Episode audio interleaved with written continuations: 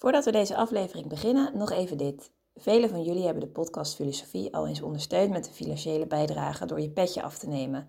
Daar zijn we super blij mee en daarmee draag je ook echt iets bij en maak je onze podcast mede mogelijk. Zo ook Boy en Jan die recentelijk hun petje af hebben genomen. Super veel dank daarvoor. En wil jij ook als trouwe luisteraar ons een steuntje in de rug geven en ervoor zorgen dat we nog lang door kunnen gaan? Kijk dan op petjeaf.com slash podcastfilosofie. Daar vind je alle info en bijdragen kan al vanaf 3 euro per maand. En het biedt ook leuke extra's op, zoals bijvoorbeeld toegang tot onze bonusafleveringen. Maar voor nu, veel plezier met deze aflevering. Aan de mensen laten zien wat ze moeten doen om aan de tirannie en de ontaarding te ontsnappen, wanneer de samenleving zich van aristocratie richting een democratie ontwikkelt. Dat was volgens Alexis de Tocqueville het kernidee van zijn beroemde werk over de democratie in Amerika.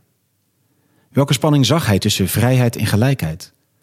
Wat zag hij als de kansen en gevaren van de moderne democratie? En waarom was volgens hem de Franse Revolutie niet de breuk die de revolutie zelf vond dat ze was?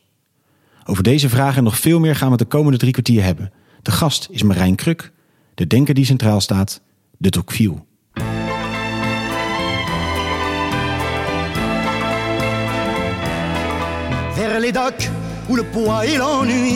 Me courbent le Dag, goed dat je weer luistert naar een nieuwe aflevering van de podcast Filosofie van het Centre Erasme, School voor Filosofie in Zuid-Frankrijk, Vlaanderen en Nederland. Mijn naam is Allard Amelink. Het concept van deze podcast is simpel. Er is een hoofdgast, er is een presentator en een sidekick. En in ongeveer 45 minuten duiken we in het denken van één filosoof. En vandaag zit naast mij Jozef Vaanders. Goedenavond, op anderhalve meter. Op gepaste afstand inderdaad. En schuin tegenover ons, ook op gepaste afstand, zit de hoofdgast van vandaag, Marijn Kruk. Marijn is schrijver en journalist. Hij eh, interviewde tal van grote denkers en filosofen. Hij schreef een boek over de, het Franse publieke debat en het Parijse intellectuele leven onder de titel Parijs denkt, een republiek tegen de wereld. Hij was correspondent in onder andere Istanbul en momenteel in Parijs. Hij deed verslag van de Arabische lente, van de strijd van de Koerden tegen IS. En hij won in 2004 de Prix de Paris voor zijn scriptie over Alexis Tocqueville. De reden dat we hem hier natuurlijk hebben in deze uh, aflevering. En dat, die scriptie had de prachtige titel... Het heden bedroeft mij, de toekomst verontrust mij. Marijn, van harte welkom in de podcast. Goedenavond. Mooi je hier te hebben.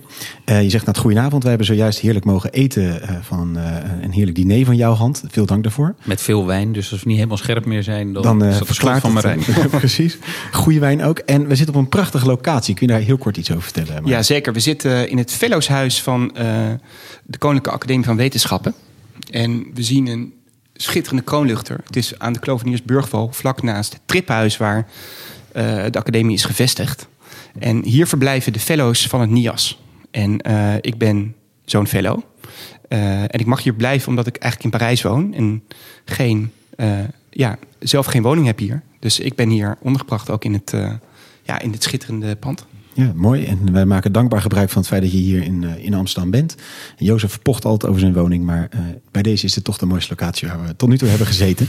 We gaan het vandaag hebben over Alexis Tocqueville, Frans politiek filosoof en socioloog, historicus en staatsman. Hij werd geboren in 1805 en overleed uiteindelijk in 1859. En zijn twee bekendste werken waarmee hij tot op de dag van vandaag uh, bekend is, zijn over de democratie in Amerika en het ancien regime en de revolutie.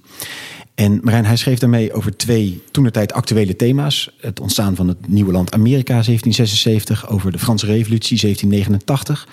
Twee van die historische momenten toenertijd. Waarom ging hij die onderzoeken en wat was zijn focus om dat te gaan doen? Ja, dat is een hele goede vraag. Ik denk ook een hele goede beginvraag. Want het is denk ik heel erg belangrijk om te beseffen dat uh, zeg maar, Tocqueville een heel duidelijke drive had. Hij uh, was overtuigd van het feit dat er, dat er iets uh, iets was en dat er iets gerealiseerd werd. En dat noemde hij een état social, dus een sociale staat. En die noemde hij uh, la democratie. Dat is ook een heel belangrijk uh, onderscheid of een heel belangrijk punt om te maken als je het hebt over Tocqueville. Het is niet per se dat, ja, wat wij eronder verstaan. En dus een meerderheidsregime, ja, of een, ja, dus een politiek regime waar de meerderheid het voor het zeggen heeft. Maar het was bij Tocqueville een een, een sociale staat, een état sociaal. En die noemde hij uh, de ega, ja, en die werd gekenmerkt door de égalité des conditions. Dus de gelijkheid van bestaanscondities. En die was heel breed. Die ging, hè, dat was niet alleen gelijke rechten, maar dat was eigenlijk ook. Uh, dat kon een manier van kleden zijn, manier van denken, smaak. Eigenlijk uh, waarin alles gelijker werd. En waar alles steeds meer op elkaar ging lijken. En um, zijn grote zorg was dat, dat, ja, dat die état sociaal niet te combineren was met vrijheid. Want vrijheid was zijn grote idee, zijn grote ideaal.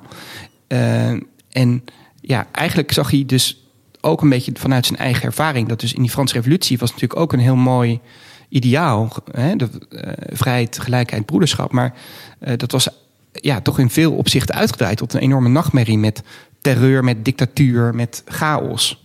En de grote vraag was dus: oké, hoe kon je nou uh, die nieuwe sociale staat die er aankwam, die er ook in zekere zin de Franse Revolutie had versneld, hoe kun je nou die van instituties voorzien die een ordelijke vrijheid garanderen? En, ja, en eigenlijk was dat de grote vraag die hem voortdreef.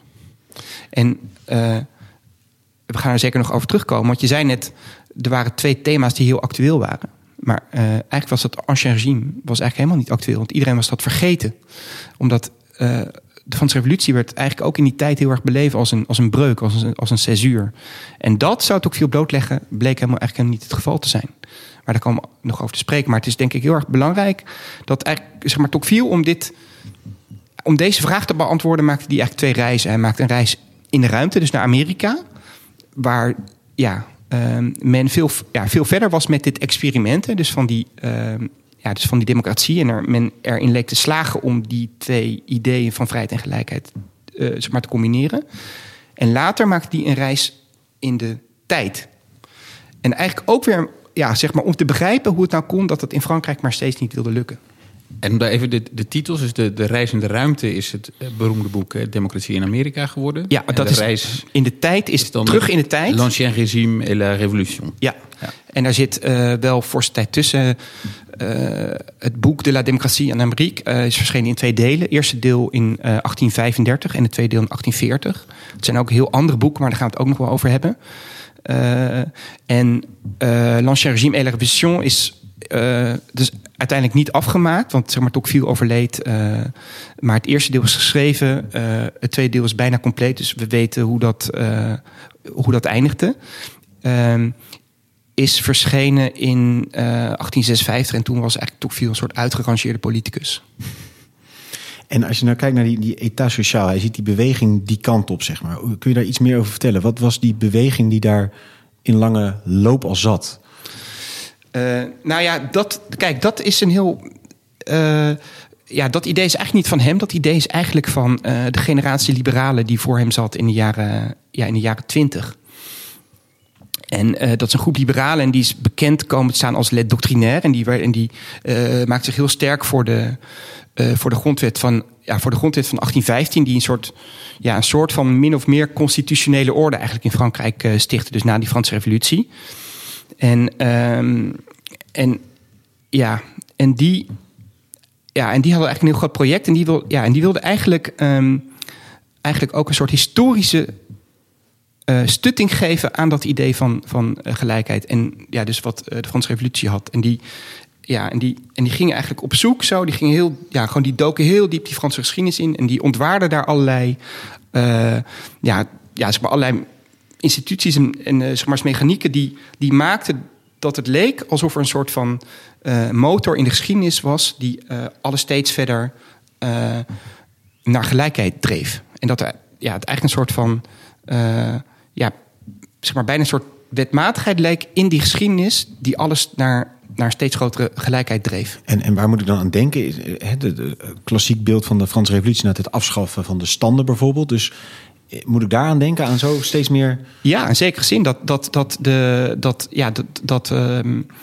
dat gewoon het begon natuurlijk met een soort van warlords in die uh, feodale baronnen en die, uh, maar dat met de opkomst van de steden en zeg maar zijn bourgeoisie die eigenlijk ook uh, meer geld verdiende en die, nou, die gingen dus, ja, zeg maar die bewogen eigenlijk zeg maar economisch ook steeds meer naar, ja, gewoon steeds meer naar elkaar toe. En ja, dat was eh, stadsrechten en, en, en, en, en, en ehm, eh, ja, die, ja, die gingen eigenlijk steeds meer op elkaar lijken. Dus eh, die, die, ehm, ja, die hele ja, de ongelijkheid was eigenlijk op het laatst vooral nog formeel. Eigenlijk in die standenstaat. Maar die standenstaat was eigenlijk steeds meer zonder substantie geraakt. Ja, dus je had adellijke titels, maar in, in realiteit Ja. betekende die niet zo heel veel. Ja, ja. En, want je zegt de grote zorg van Tocqueville is hè, dat die tendens naar meer gelijkheid uiteindelijk ook eh, consequenties heeft voor de vrijheid, negatieve consequenties voor de vrijheid, dus tot de onvrijheid leidt. Eh, mogelijk, als het niet op een of andere manier institutioneel geborgd is. Waar zit dat mechanisme in? Op, op welke manier kan die gelijkheid voor die vrijheid volgens hem een gevaar zijn? Nou ja, dat is dus een beetje de vraag. En met die vraag, dat, kijk, dat was eigenlijk een open vraag. En dat wilde Tocqueville eigenlijk onderzoeken in Amerika. Dus hij ging, ehm, eh, omdat hij zag in Amerika, zag hij, daar leek dat, nou ja, het is ook misschien zeg maar, belangrijk. Amerika was, sprak heel erg tot verbeelding. Dat was, dat was ook een debat in Europa.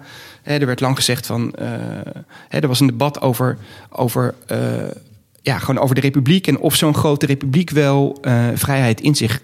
Ja, gewoon, ja, ja, gewoon of zo'n republiek wel te combineren viel met, met vrijheid of met democratie.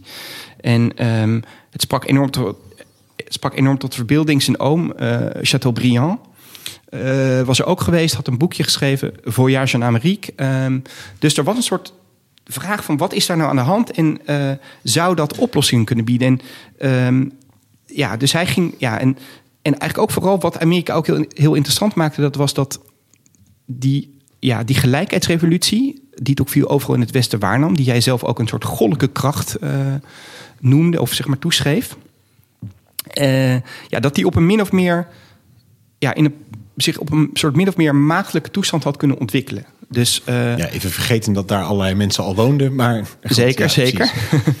en Er Bart was, er was een soort leeg veld waarop je een nieuwe samenleving kon bouwen. Dat was het idee. Ja, maar wat ook wel belangrijk is, eh, hoewel Tocqueville ook absoluut oog had voor die slavernij en ook voor het lot van de Indianen in vooral in Canada, waar die, waar die ook heeft rondgereisd, ehm, is dit denk ik een heel belangrijk verschil dat ehm, er was geen gewelddadige revolutie voor nodig om, om naar die toestand van die democratie eh, te gaan. En ehm, er waren niet, ja, er was niet een diep gewortelde standstaat. Eh, en dat maakte ja, dat het principe van die democratie eigenlijk op een bijna organische manier zich had kunnen ontwikkelen. Dus dat maakt het gewoon heel interessant als een soort van, ja, als een soort van eh, laboratoriumopstelling eigenlijk. En, en waarom dat principe inderdaad van dat die toenemende gelijkheid tot minder vrijheid leidt? Je kan ergens ook denken, nou, Nou- dit biedt meer mensen de mogelijkheid om in vrijheid te leven bijvoorbeeld. Eh, het is denk ik, misschien moet je het denk ik anders formuleren. Het was, het was, zo dat, het was niet zo dat die gelijkheid leidt tot minder vrijheid, maar dat eh, vrijheid en gelijkheid niet automatisch samen zouden gaan. En daarmee wil eigenlijk zeg maar Tocqueville steeds waarschuwen voor de, ja, voor de uitgesproken vijanden van die democratie. Hè, dus de, ja, dus de, ja, gewoon, eh, zeg maar, dus de contra, ja, zeg maar de contra, ja, zeg maar de contra-revolutionairen. En ook, ik moet altijd een beetje om lachen hoe hij dat dan zegt. De al te, al, ja, de al te, de al te, nou, de, Enthousiaste. de al te enthousiaste vrienden van de democratie. Eh, dus ja, de socialisten zou je kunnen zeggen in zekere zin. Eh, want ze hebben allebei eigenlijk ongelijk, zeg maar. Ehm, maar het is vooral die, die gelijkheid en die vrijheid gaan niet automatisch samen, maar sluiten elkaar ook niet per se uit. En dus eh, je moet. Ja, dus het is een soort kunst om die vrijheid eigenlijk daar eh, zo mee te vervlechten. En ja, hoe doe je dat eigenlijk? En hoe deden dus die Amerikanen dat? Want het Amerikanen leek het soort van geluk te zijn. Die altijd enthousiaste eh, eh, eh, de- democraten tussen aanhalingstekens. Dat, dat is dan wellicht ook het, het verhaal wat we... De al te enthousiaste vrienden van de democratie. Nou, Ja, de, de- Jacobijnen in zekere zin. Dus ja, precies. Maar, maar ook wat we zelf dus hele radicale zijn. republikeinen. Maar ook wat Ja. we zelf soms misschien te makkelijk geneigd zijn te denken, hè, eh, historisch. Van, eh, toen bra- braken vrijheid en gelijkheid eh, door. Hè, die, die noemden we ook in één leus. eh egalité, Ja. liberté. Ja. Ehm, en, en dat gaat perfect samen. En dat is gewoon één mars voorwaarts. En, en hij laat eigenlijk zien dat dat veel ambiguur en complexer ligt. En dat Absoluut. het ook echt Het wel een moeilijk evenwicht is. Ja, En- gewoon, ja, gewoon het eh, ja, het een volgt niet automatisch uit het ander. Het sluit elkaar niet uit, maar het een volgt niet automatisch in het ander. En wat zeg maar Tocqueville eigenlijk ziet en ontdekt. En in toenemende mate dat er eigenlijk ja, heel diep in die democratie, dus in die gelijkheids, ja, gewoon in die gelijkheidstoestand, hele diepe, hele diepe ondermijnende trends zitten. En dat is eigenlijk iets wat hij, ja, wat een soort later inzicht is, want dat zijn die twee boeken die hij dus maakt over die democratie. In eh 19, één in 1835, gebaseerd op een reis die hij maakt met eh, zijn vriend Gustave de Beaumont van negen maanden door, door Amerika in 1830, 1831. En dat eerste boek is eigenlijk toch een soort empirische weergave. Het is een soort van. is toch een soort reisverslag in heel veel opzichten. En hij blijft heel dicht bij die Amerikaanse werkelijkheid. En het tweede boek is al. Ja, daar gaat hij daarmee. Ja, daar lijkt hij los van die werkelijkheid te komen. En gaat hij eigenlijk aan de haal met dat principe. Dus daar wordt die democratie is eigenlijk, wordt steeds minder duidelijk wat hij daarmee ja, nou bedoelt. Hij, hij maakt het eigenlijk los van een concrete context. Het wordt een soort concept, een soort sociologisch, zeg maar. Daarom wordt hij ook gezien als een van de, ja, gewoon een van de grondleggers van de sociologie. Omdat hij eigenlijk twee concepten, zeg maar, is aristocratie, eh, een samenleving op basis van ongelijkheid, zeg maar, contrasteert met een democratie in basis op ja, een samenleving op basis van ongelijkheid. En die twee gaat spiegelen en daar op een soort onnavolgbare methode allerlei kenmerken uit gaat distilleren.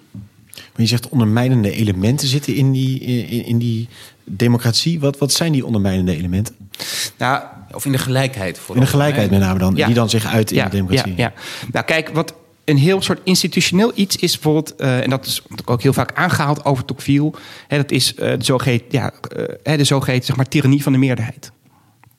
Eh, en nou ja, die kennen we natuurlijk in zekere zin. eh, dat is eigenlijk, ehm, die zouden we in theorie ook in Nederland kunnen hebben als, als er, als er, eh, als er meerderheid eh, omdat, ja, als de meerderheid eigenlijk doe- zegt van oké, wij hebben de meerderheid van de stemmen, dus wij doen nu Druk allerlei dingen door. ja. want wij zijn immers de baas. En dat je dus en wij hebben dan een, een soort van zachtere definitie van een democratie, van een liberale democratie. Die zegt van nee, een liberale democratie is juist dat je, dat je de rekening houdt met een minderheidsstandpunt ook. En dat je niet op een soort Erdogan-achtige manier eh, eh, ja, vanuit de meerderheid alles oplegt. Nou, dat zou je kunnen zeggen, dat is een heel formalistisch idee van die hele meerderheidstyrannie. Maar in Amerika ziet hij het ook verder gaan en ziet hij het eigenlijk ook in het denken. En daar zie je een soort van, eigenlijk een soort eenheidsdictatuur. Dus dat de meerderheid ook oplegt aan de minderheid wat er gedacht moet worden, wat er gevonden, ja, wat er gevonden moet worden van dingen. En, dus hij, en hij contrasteert dat dus met een aristocratie, waarin je dus eigenlijk, ja, gewoon eigenlijk een paar, ja, daar heb je een, ja, gewoon een paar edellieden met soms ook volkomen, do- ja, gewoon volkomen doorgedraaide mening of heel, eh, ja, ja, gewoon, ja, of hele excentrieke De ambities zadenachtige types. bijvoorbeeld. Eh, en zoiets zou, eh, ja, zoiets zou, ja, zoiets kan in Amerika niet bestaan. Er is een enorme trend tot conformisme. En, eh, en, ja, en ook in het denken eigenlijk. En ehm, Ja, en hij zegt dus eigenlijk die eh, samenleving die meer gelijk is... en politiek stelsel wat gebouwd is op die gelijkheid... zorgt eigenlijk dus ook voor dat die hele samenleving...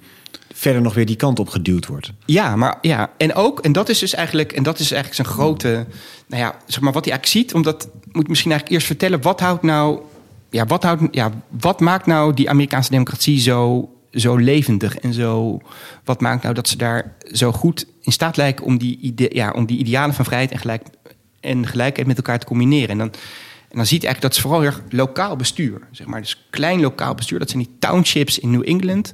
Die eigenlijk fungeren als een soort van kleine stadstaatjes. waarin eh, eh, mensen ook heel erg gedreven door de protestantse religie. die dan eh, heel erg nadruk legt op, op eh, ja, zeg maar dus, zorg dragen voor je gemeenschap, voor je omgeving. Ehm, dat er op, van onderop, vanaf op een heel lokaal niveau, actieve staatsburgers eigenlijk worden gekeken. Het is eigenlijk een soort leerschool voor, ehm, ja, voor, zeg maar, actieve, ja, voor zeg maar, actieve participatie. En waar hij eigenlijk bang voor is, is dat er. Hij ziet ook een trend in die democratie.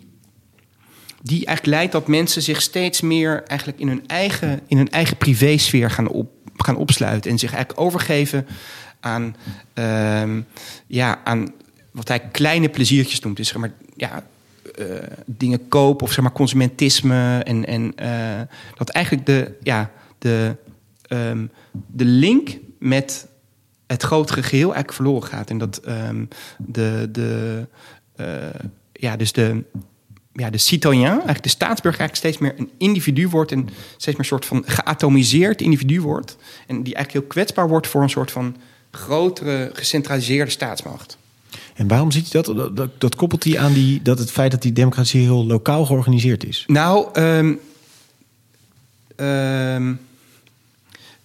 hij ziet eigenlijk, dit ziet hij eigenlijk, die hele trend tot zeg maar, ja, ja, tot zeg maar conformisme en zeg maar, ja, en zeg maar individualisering en je zeg maar terugtrekken in je eigen privésfeer. Dat ziet hij als een soort diepere trend in die, ja, in de democratie eh, in het algemeen.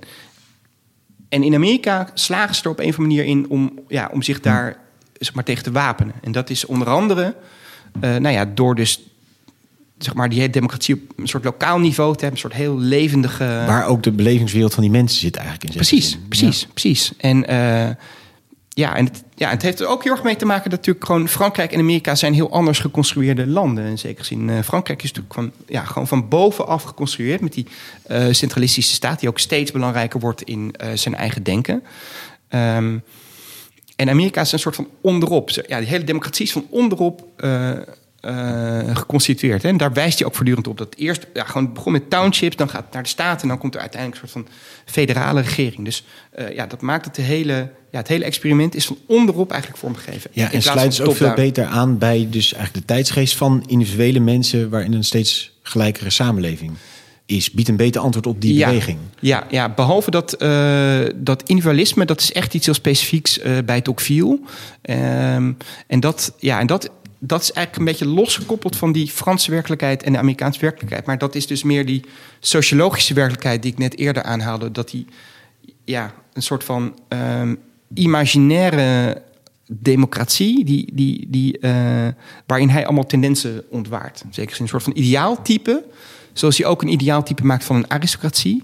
En daar gaat hij eigenlijk allemaal dingen bedenken die daar, ja, die daar, en dat, ja, dus dat individualisme, dus dat mensen zich opsluiten in, ja, in hun eigen, ja, in hun eigen privésfeer, dat herkent hij als een soort van, ja, als een trend die steeds eigenlijk op de loer ligt. En waarvoor je dus eh, dingen moet bedenken om eigenlijk die tegen te gaan. Je noemde dat de ondermijnende effect van, ehm, van de gelijkheid, namelijk dat er een tirannie van de meerderheid komt. En dat dus dat conformisme wat daarachter schuil gaat. Zijn er nog andere dingen die observeert of waar die ondermijnende elementen die ontdekt? Nou ja, het is in zekere zin. Kijk, hij maakt steeds de, de, zeg maar de wisselwerking. Dus hij wisselt steeds dingen af. Dus hij zegt, ja, ja zeg maar, dus hij ziet de voordelen, hij ziet de nadelen. Hij ziet- Bijvoorbeeld, eh, voordelen is, ja, waar hij helemaal door betoverd is in Amerika, is dat hij daar een, een, een, een, eh, een, ehm, een soort energie waarneemt die hij helemaal niet in Frankrijk ziet. Een soort van, eh, zeg maar, ja, een soort energie die wonderen kan verrichten. Eh, ehm, maar, tegelijkertijd is dat ook een soort van diezelfde energie, de keerzijde daarvan is weer dat er ook een soort van rusteloosheid is, zeg maar. En eigenlijk ook een soort van, die gelijkheid leidt ook tot een soort van existentiële crisis, omdat mensen zijn allemaal gelijk. Dus ehm, Wat onderscheid je dan nog? ja, precies. Ja. Hoe weet je wat je bent? Dat weet je altijd in de relatie tot de ander, zeg maar. Dus ehm, jouw, identi- ja, ja, jouw identiteit is altijd in relatie tot de ander. Dus het leidt al sowieso tot een soort van conformisme, omdat je altijd aan het kijken bent naar wat jouw gelijken aan het doen zijn. Dus eh, ja, dat ziet hij in wat hij eigenlijk ook een beetje ja, in een soort meer abstracte termen beschrijft, is eigenlijk gewoon de hele bourgeois samenleving, waarin eh, een beetje de wereld van Balzac, waarin het toch gaat om, om, om eh, kleine, ja, in de ogen van de edelman die Tocqueville natuurlijk ook was, om kleine passies zoals ja, dingen, ja, consumentisme eigenlijk. En dat, dat is een soort van, ja, dat ziet hij wel als een soort van gevaar voor decadentie eigenlijk. En dat gaat natuurlijk weer een beetje af van, die, van, ja, van de staatsburgers die hij hoopt, eh, hoopt te zien. Een zekere passiviteit ook. Niet echt een eh, groter engagement voor het publiek belang, maar meer een soort Ja. passief ontvangen Ja. van de Ja. voordelen en pleziertjes van gelijkheid. Eh, Nou, zeker. Het zijn, zeg maar, in de aristocratie, daar zijn het gewoon de grootste, meeslepende ambities en avonturen, grandeur. Eh, en, ja, en zeg in de democratie is het juist ja, de, de, de bescheidenheid, de, de kleine passies, de, ja, de kleine gebaren in zekere zin. En, eh, maar, die, ja, maar die veel meer eigenlijk. eh, veel meer betekenen eigenlijk voor de kleine man. Die, die natuurlijk ook veiligheid wil en ook, eh, ook meer inkomen wil. Dus, eh, ja, dus hij maakt eigenlijk ja, gewoon voortdurend eigenlijk afwegingen daar. daar dat, hij zegt geloof ik ook ergens...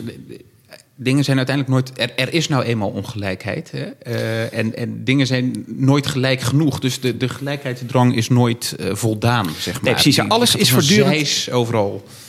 Ja, nou, in die zin, hij zegt, kijk, die, die energie, die schept een soort onrust en een soort ambitie. Mensen zijn voortdurend, alles is voortdurend in beweging. En eh, eigenlijk is dat juist wel iets heel positiefs voor hem. Hij, hij ziet niet, ja, de ongelijkheid, er is ongelijkheid, maar die is nooit permanent. Eh, dus je kan, dat observeert hij ook in de VS, dat, dat gewoon eh, eh, grote fortuinen worden gemaakt en ook weer verloren. Het is, het is, dat erfrecht is natuurlijk ook behoorlijk pittig daar. Ehm, ja, of de erfbelasting is behoorlijk pittig ook. Dus, maar in zekere zin observeert hij daar heel erg wat, ja, wat vader verdient, kan de zoon weer verliezen. En zo is er een voortdurende dynamiek eigenlijk in die samenleving. Ja. Dat is zijn reis eh, fysiek, zeg maar, naar Amerika. Wat, wat- zijn daar ook de belangrijkste eh, lessen die hij daar ergens uit leert? De instituties zijn dus een belangrijke constatering dat die, dat die belangrijk zijn? Nou, hij, ja, gewoon, hij observeert heel erg. Er zijn drie elementen die heel belangrijk zijn daar. En, en dat, is de, dat is de protestant. Nou, dat is eigenlijk gewoon, dat zijn de, eh, ja, de unieke omstandigheden waarin de VS verkeren. Dus het feit, eh, gewoon het feit dat ze geen, gewelda geen gewelddadige revolutie hadden om in de toestand te komen van eh, die état sociaal die de democratie is. Eh, het onderwijs, eh, de protestantse religie en dus ja, ja, die lokale, ja, dus die township, dus die lokale, ja, die kleine, ja, dus die kleine lokale democratie. En wat eigenlijk een soort leerschool is, ja, een soort politieke leerschool is.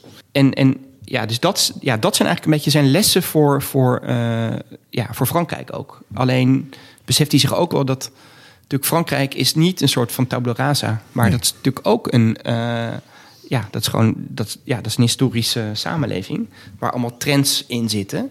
En, nou, en hij merkt eigenlijk, want na terugkomst eh, vanaf 1835 gaat hij zelf ook in de politiek. En, eh, en hij raakt er eigenlijk steeds meer gefrustreerd in. En hij krijgt ook steeds meer het idee dat, dat, ehm, ja, dat, dat het gewoon in Frankrijk niet lukt. Dus dat, dat, ehm, dat er wel die gelijkheid komt, maar dat die dus niet samengaat met, eh, met vrijheid. Omdat, en zeker, of met ordelijke vrijheid, hè, dat is belangrijk te zeggen. Dus met een geïnstitutionaliseerde vrijheid. En, ehm, hè, want hij, hè, er komt er weer een nieuwe revolutie in 1830, in 1848 weer een nieuwe revolutie. Dus altijd zijn er, eh, is er, ja, dus een, eh, er zijn altijd sociale onlusten. Dan komt er weer een keizerrijk. Eh, ja, hij raakt eigenlijk steeds gedesillusioneerder over het vermogen van Frankrijk om, ehm, ja, om dus eh, ja, gewoon om die toestand van die gelijkheid Samen met de samen te brengen met een ordelijke vrijheid eigenlijk te Ja. combineren. En vandaar dan ook zijn reis in de tijd terug naar het ancien regime? Inderdaad, want eh, hij raakt op een gegeven moment dus... nou ja, je, je krijgt in 1848 is er de februari-revolutie. Eh, daarin speelt hij zelf nog wel eh, ook een rol. Want hij is even minister van Buitenlandse Zaken. Ehm, in die, ja, dus in die, ja, dus in die republiek. Maar die wordt al snel... eh, eigenlijk doemt daar de figuur van Louis Napoleon Bonaparte op. Eerst als prins-president die, en dan die via een plebiscite... eigenlijk op de oude manier van Bonaparte weer het keizerrijk weet in te stellen. En ja, daarmee komt zeg maar Tocqueville op een zijspoor te staan. Hij gaat in exil interieur, hè, zoals dat heet. En hij trekt zich terug op zijn château in Normandië. En eh, daar raakt hij eigenlijk gewoon... Dan denkt hij van, nou, hoe kan het nou dat... dat eh, ja, hij denkt van... eh, Ja, ik moet, ja, ik moet terug in de tijd. Ik moet kijken of er in het verleden een soort diepe oorzaak is... waardoor dat in Frankrijk eigenlijk maar niet wil lukken met die vrijheid. En wat nou de diepere oorzaken zijn. En dan besluit hij een eh, studie te maken naar, eh, naar het keizerrijk. Of, ja, naar, nee, eh, of Het naar, ancien regime. nee, naar het consulaat aanvankelijk. Dus, dus, naar de, ja, dus naar de eerste jaren van Bonaparte.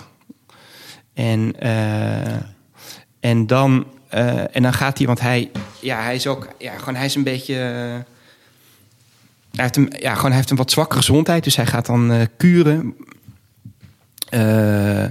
Ik geloof dat hij in, eh, ik geloof dat hij in, eh, in Tours dan zit. En dan gaat hij, en dan gaat hij in de archieven zitten, maandenlang. En dan komt hij eigenlijk achter dat, dat, dat, dat en ook in die archief van het Ancien Regime. En dan verplaatst hij eigenlijk zijn, zijn aandacht naar het ancien regime. Omdat hij daar eigenlijk ontdekt dat het ancien regime eigenlijk, eigenlijk springlevend eh, is. En dat is eigenlijk een soort van aanleiding om heel diep in die Franse geschiedenis eigenlijk, zeg maar, te duiken. Om daar de diepere oorzaken te vinden. Want op welke manier is dat springlevend, dat ancien regime? Het klassieke beeld met die revolutie. Precies, Is dat allemaal precies, onvergeworpen? precies. De koning is onthoofd, dus... Ja, ja. Nou ja, daar ziet hij dus dat hij.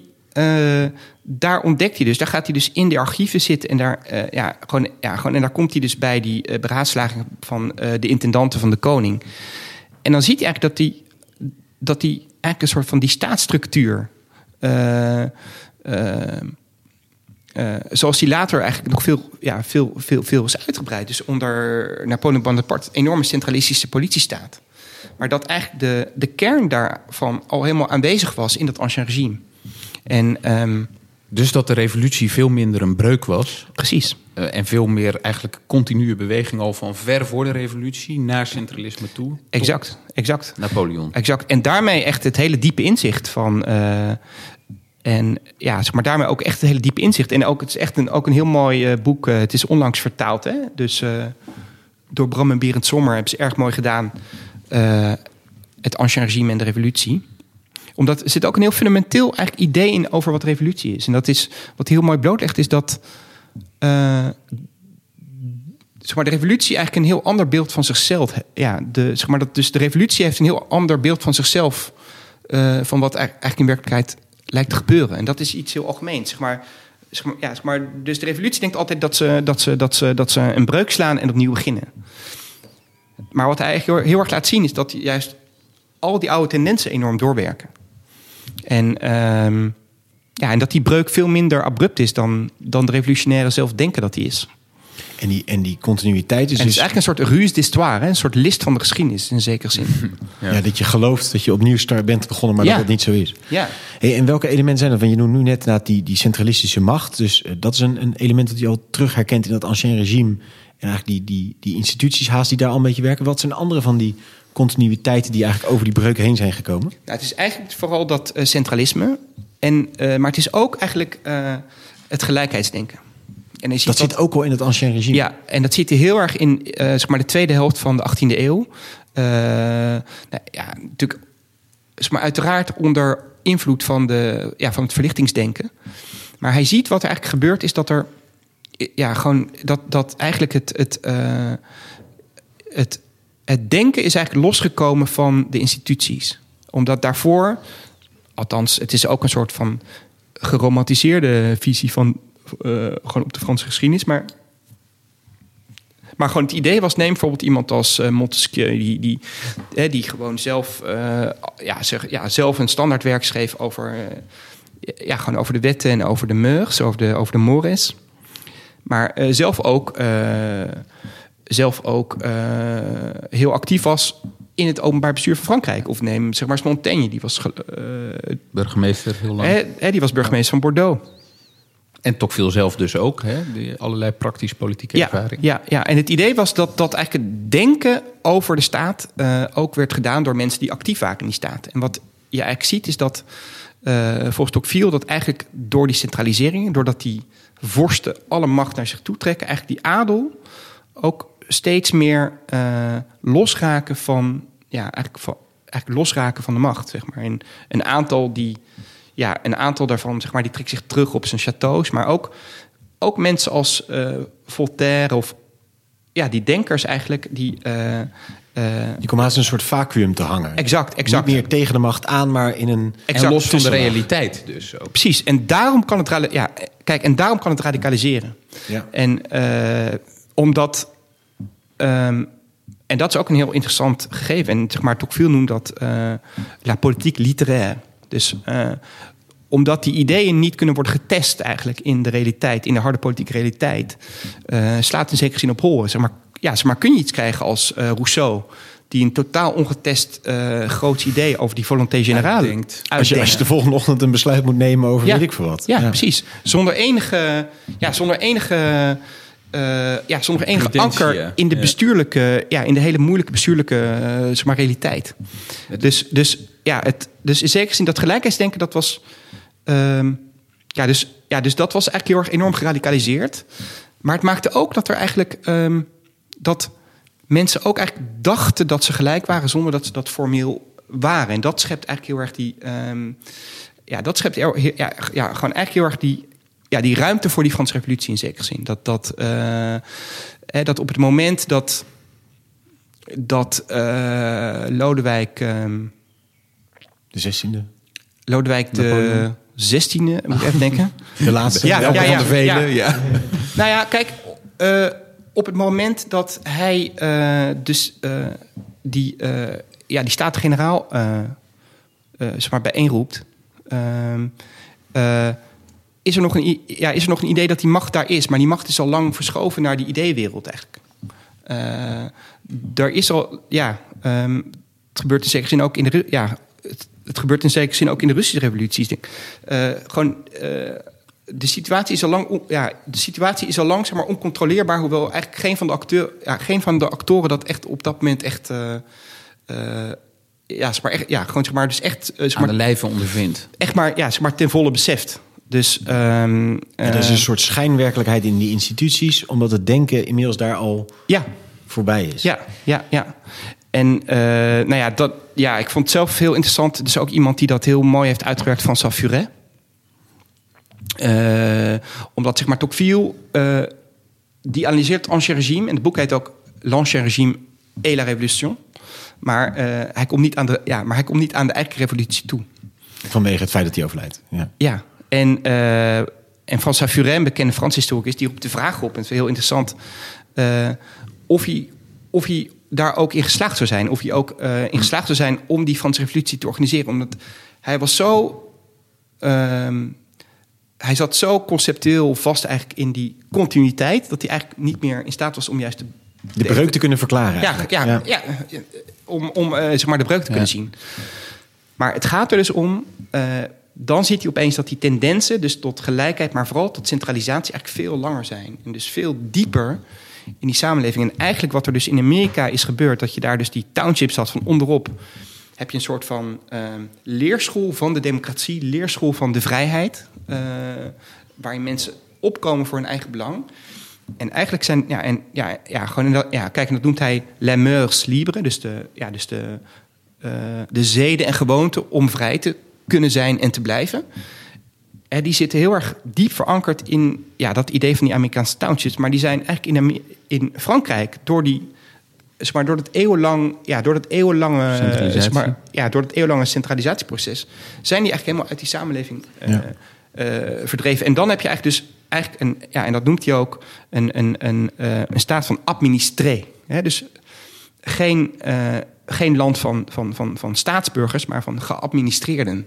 Ja, weinig eh, gedecentraliseerde verantwoordelijkheden. Weinig mensen die het gevoel hebben over hun eigen wereld en leven te gaan. Hè, omdat die verantwoordelijkheden weggetrokken zijn. En Ja. dan dus een bepaalde vorm van apathie of... of Nou ja, nou ja eh, je, hebt dus geen, je hebt dus geen institutionele training. En aan, aan de andere kant een enorme revolutionaire kracht ook. Enorm passie voor vrijheid ook in die Franse revolutie. Maar dus geen mogelijkheid om die vrijheid te ankeren. nee, om daar iets mee te doen. Ja. En dus wordt het Ja. buskruid Ja. tot een revolutie eigenlijk. En dat zijn dus eigenlijk ook die hele tragische woorden van... eh, ja, eigenlijk het laatste...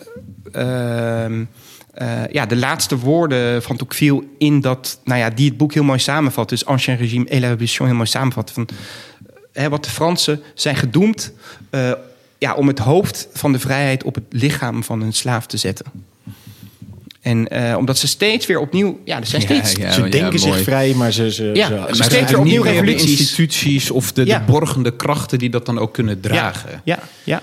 En dat, dat is misschien sowieso wel een interessant punt. Ook wat je zegt over die leerschool van die vrijheid en het belang van die, van die praxis. Hè? Ook, ehm, het, het maakt dat Tocqueville wellicht ook geen normatief denker is. Hè? Dus een, Rousseau heb je het net over veel meer a priori iets uitdenken, los van de ervaring of de realiteit van hoe het het meest rechtvaardig of vrij of gelijk eh, zou kunnen zijn. En, en eh, Tocqueville veel meer vertrekkend vanuit een bepaalde politieke werkelijkheid ook. Van, vanuit de, het wel of niet bestaan van dat lichaam waarop iets geplaatst kan worden. Ja, zeg maar, dus in die zin wordt hij ook vaak natuurlijk gewoon in die school gezet van eh, de meer zeg maar, empirische eh, zeg maar, politiek denkers zoals eh, Machiavelli of Montesquieu. En later Lefort. En later Lefort, zeker, zeker. Ja, ja. En kijk, en als we toch kijken, namelijk wel, wat, wat, wat kun je ermee met deze observaties? Hij duidt al deze dingen. Dat komen denk ik ook een beetje bij het punt van, van zijn receptie. Hoe is dit opgepikt? Of hoe, hoe pakt hij het zelf wel allereerst op? Doet hij een oproep op het eind? Moet het ergens heen? Of hebben anderen die handschoen opgepakt naar aanleiding van zijn, eh, zijn denken? Ja, dat vind ik wel een goede vraag. Eh, ehm, wat je sowieso zag is dat, dat het eerste boek, dus, eh, dus dat eerste boek van het eerste deel van, ja, van het boek over democratie, dus wat in 1835 verscheen, dat was een enorm succes. Hè? En dat zet hem ook in één keer op de kaart. En het wordt ook vertaald, dat wordt eh, opgepikt door John Stuart Mill, waar hij ook eh, mee gaat corresponderen. Dat, ja, dat vestigt ook in één keer zijn naam eh, in Frankrijk. En, en dat, dat geeft hem veel roem. Dat tweede deel, dat, dat wordt toch te abstract gevonden en te, en te vaag. En hij blijft toch wel zijn hele leven lang ja, de auteur van de La Démocratie in Amerique. En ja, wat, wat die receptiegeschiedenis betreft, daar zitten enorme gaten ook in. Zeg maar. Daarna wordt hij bijvoorbeeld eh 25 jaar lang of 30 jaar lang eigenlijk nooit meer geciteerd. Er verschijnt in 1925 een boek dat heet Comme disait Monsieur Tocqueville. Dus ja, dan was hij een beetje zo, het was een soort van verzameling van, van quips, hè? dus van de mooie, mooie uitspraken van hem. Maar er werd, ja, wat zitten inderdaad wel allerlei hele, ja, hele mooie, hele mooie anekdotische zinnen in dat boek, waar allemaal mooie karakteriseringen van die democratie. Eh, maar dat is nog niet per se gelijk dat je daarmee een soort de kern van het denken ook, eh, ook pakt. Eigenlijk pas ja, gewoon, ja, maar eigenlijk pas na de Tweede Wereldoorlog wordt het echt eh, groot opgepakt in de VS en later ook, ja, ook wel in Europa. En eigenlijk meer in een soort van Koude Oorlog situatie waarin er ineens die behoefte is dus om die democratie eh, e- enorm eh, ja, te, te verdedigen in zekere zin. Daar een soort van zelfbeeld van te krijgen en dat, eh, ja, dat, dat, ehm, eh, en dat ook af te zetten dus tegen het communisme, dus tegen de Sovjet-Unie. Ehm, ja. En, en meer, meer naar nu, in, in, in onze tijd. Want Tocqueville is nu natuurlijk ook eh alomtegenwoordig in het, eh, in het debat. Vooral eh, vanuit bepaalde zijden. Wat, wat, kan je daar iets over zeggen? Ja, dat- Wo- Wordt hem daar recht gedaan of niet? Wat, hoe Dat, dat, dat, ja, dat is heel interessant. Het is natuurlijk zo dat sowieso is Tocqueville laat ontdekt hoor. In, zoals in Nederland. Ja, toen ik me daarmee bezig hield, was er nauwelijks iets over geschreven in, in onze taal. Eh, nou ja, later zijn die boeken natuurlijk allemaal vertaald. En is het ook wel opgepikt door. Nou, je kan je voorstellen dat het CDA er iets in ziet vanwege die nadruk op religie als een soort van, eh, ja, een soort van bindende, zedenbrengende kracht.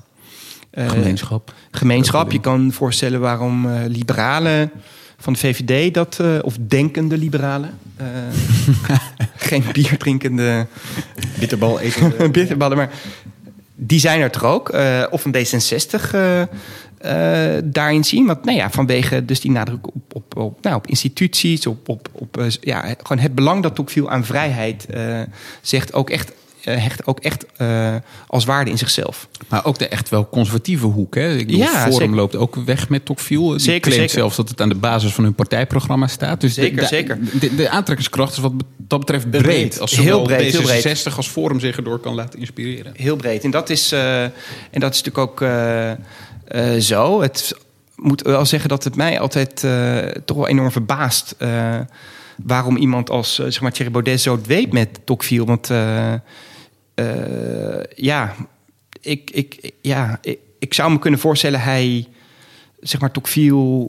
als je inderdaad een groot tegenstander bent van de Europese Unie... dan, dan, dan kan je wel bij Tocqueville terecht. Omdat hij dat idee schetst van die centralistische staten... Die, en die ook bij Tocqueville een soort van heel bevoogdende, zacht, ja, zacht despotisme noemt hij dat. Een heel bevoogdende, regelstellende, zachte macht is. Dus je zou kunnen zeggen dat je dat, je dat beeld kan gebruiken om de, ja, om de Europese Unie aan te vallen. Maar ehm, ja, voor de rest, voor iemand die als zeg maar Baudet, die, die eigenlijk eh, eh, zeg maar alles wat er na de Franse Revolutie is gekomen veroordeelt. eh, en eigenlijk ook vooral het feit dat Want dat doet Tocqueville niet. Dat is dus eigenlijk wat je Nee, zegt. Tocqueville echt- staat veel positiever ten aanzien Absoluut, van de absoluut. moderniteit dan hier geschetst wordt. Absoluut, het is, het, absoluut, het is een feit. Het is een gegeven. En, eh, en de opdracht is eigenlijk om die moderniteit, eh, om die gelijkheid, ja, om dat, om dat zeg maar te kanaliseren. Dus er is geen weg terug. Eh, die is afgesloten. En in die zin heb ik me altijd verbaasd. Kijk, je zou, ehm, eh, je zou kunnen zeggen dat Forum en ook vergelijkbare partijen in Europa bezig zijn met een soort frontale aanval op de erfenis van 1968. En, ehm, maar eigenlijk, als je als je het vergelijkt met de tijd van Tocqueville, dan, dan, dan zou het zijn of je uh, op geen enkele manier wil, zeg maar, Tocqueville of denkt Tocqueville dat hij de Franse Revolutie kan, zeg maar, terugbuigen. Dat, ik bedoel, dat is een. Een, ja, force of nature eigenlijk haast. Ja, een soort van etat sociaal. En dat is daar is een nieuwe werkelijkheid geschapen. En het ancien regime was al eigenlijk zeker, zeker. voorbij zijn laatste benen, zegt hij. Dus je kan helemaal niet terug. En, hè, en daar heb je nog in de jaren twintig de zogenaamde ultra. Dus de, dus, de, ja, dus een groep van. Uh, hè, die worden gekozen in de zogeheten chambre introuvable, dus de onvindbare kamer. Dat zijn heel radicale, ja, gewoon heel radicale contra, ja, heel radicale contra-revolutionairen. Uh, maar die strijden een soort van verloren strijd. En, en uh, ik zou dus zelf denken dat. Uh, ja, zeg maar, 1968, zeg maar 1968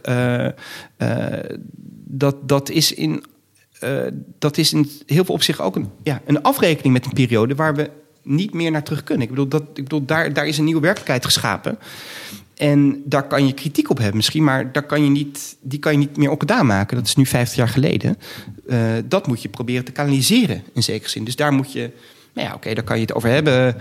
Uh, maar daar frontaal de aanval op openen, dat, dat is een soort van contra ja, een soort van contra-revolutionair sentiment dat volkomen vreemd is aan Tocqueville.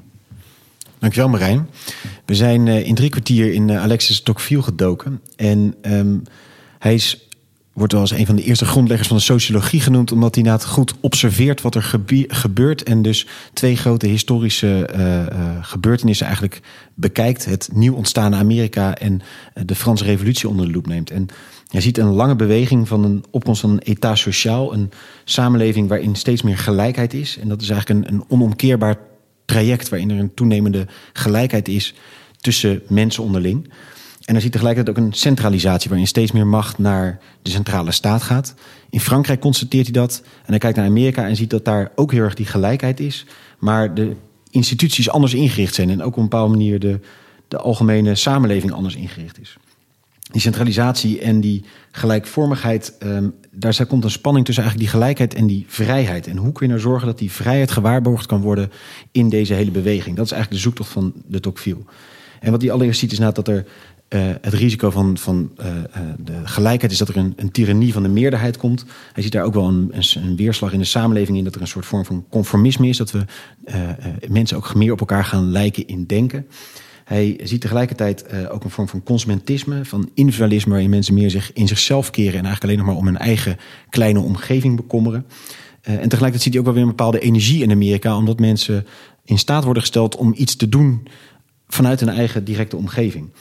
En uh, dat is eigenlijk wat hij vervolgens constateert, Amerika heeft op een bepaalde manier door heel lokaal de democratie in te richten, door goed met onderwijs aan de slag te gaan, ook door de protestantisme, protestantistische eh, achtergrond van Amerika, weten ze een goede manier eigenlijk uiting te geven aan die individualiteit en dat te koppelen aan een goede samenleving. En proberen ze zo een, een aardige mix te vinden tussen die vrijheid en die gelijkheid. Frankrijk heeft dat veel lastiger, is het veel moeilijk om daar een geïnstitutionaliseerde vorm van vrijheid te vinden. Um, en daarom gaat de Tocqueville terugkijken in de tijd. Hoe komt het nou dat we op deze plek zijn gekomen? Duikt dan dat ancien regime in, het, de periode voor de Franse revolutie. Ziet daar eigenlijk een hele duidelijke continuïteit tussen toen en nu. Uh, of in ieder geval zijn tijd constateert dus dat die revolutie niet zozeer een breuk is, maar dat er vooral door die centralisatie eigenlijk een soort vacuüm ontstaan is. Burgers kunnen zich niet meer bemoeien met wat er gebeurt in het land, omdat dat allemaal gecentraliseerde macht is. En dus ontstaat er ofwel een soort apathie of een soort buskheid voor revolutie, want het hoofd is losgezongen eigenlijk van het lichaam. Dus de vrijheid kan gedacht worden, maar niet verwezenlijkt worden. En daarmee eh, heeft het ook allerlei linken naar actualiteit. Daar hebben we het ook mooi even kort over gehad. Maar dat is zeker ook een vraag voor jou als luisteraar om te beantwoorden. Hoe verhoudt zich dat tot heden? Volgens mij een goede vraag om te stellen. Marijn, heel hartelijk dank voor je heldere verhaal over de Tocqueville. Ik zie Marijn Jozef? eh, vol bewondering kijken. De samenvattingen van Allard zijn inmiddels berucht. Oké. ik heb meegeschreven, dus ik speel een klein beetje vals. Maar, Ja, eh, ja. En Jozef, eh, hartelijk dank ook. Ehm, jij hartelijk dank voor het luisteren. Fijn dat we weer even terug zijn met dus dit keer een fysieke podcast. Eh, over twee weken hebben we ook weer een nieuwe aflevering. Dan gaan we wat verder terug in de tijd en gaan we naar Plato toe. Ehm, heel mooi dat je elke keer luistert. Eh, laat vooral een positieve review achter als je het waardeert. En deel het ook met mensen om je heen. We vinden het mooi als onze luisterschare steeds verder mag groeien. Nogmaals, dank voor het luisteren en tot ziens.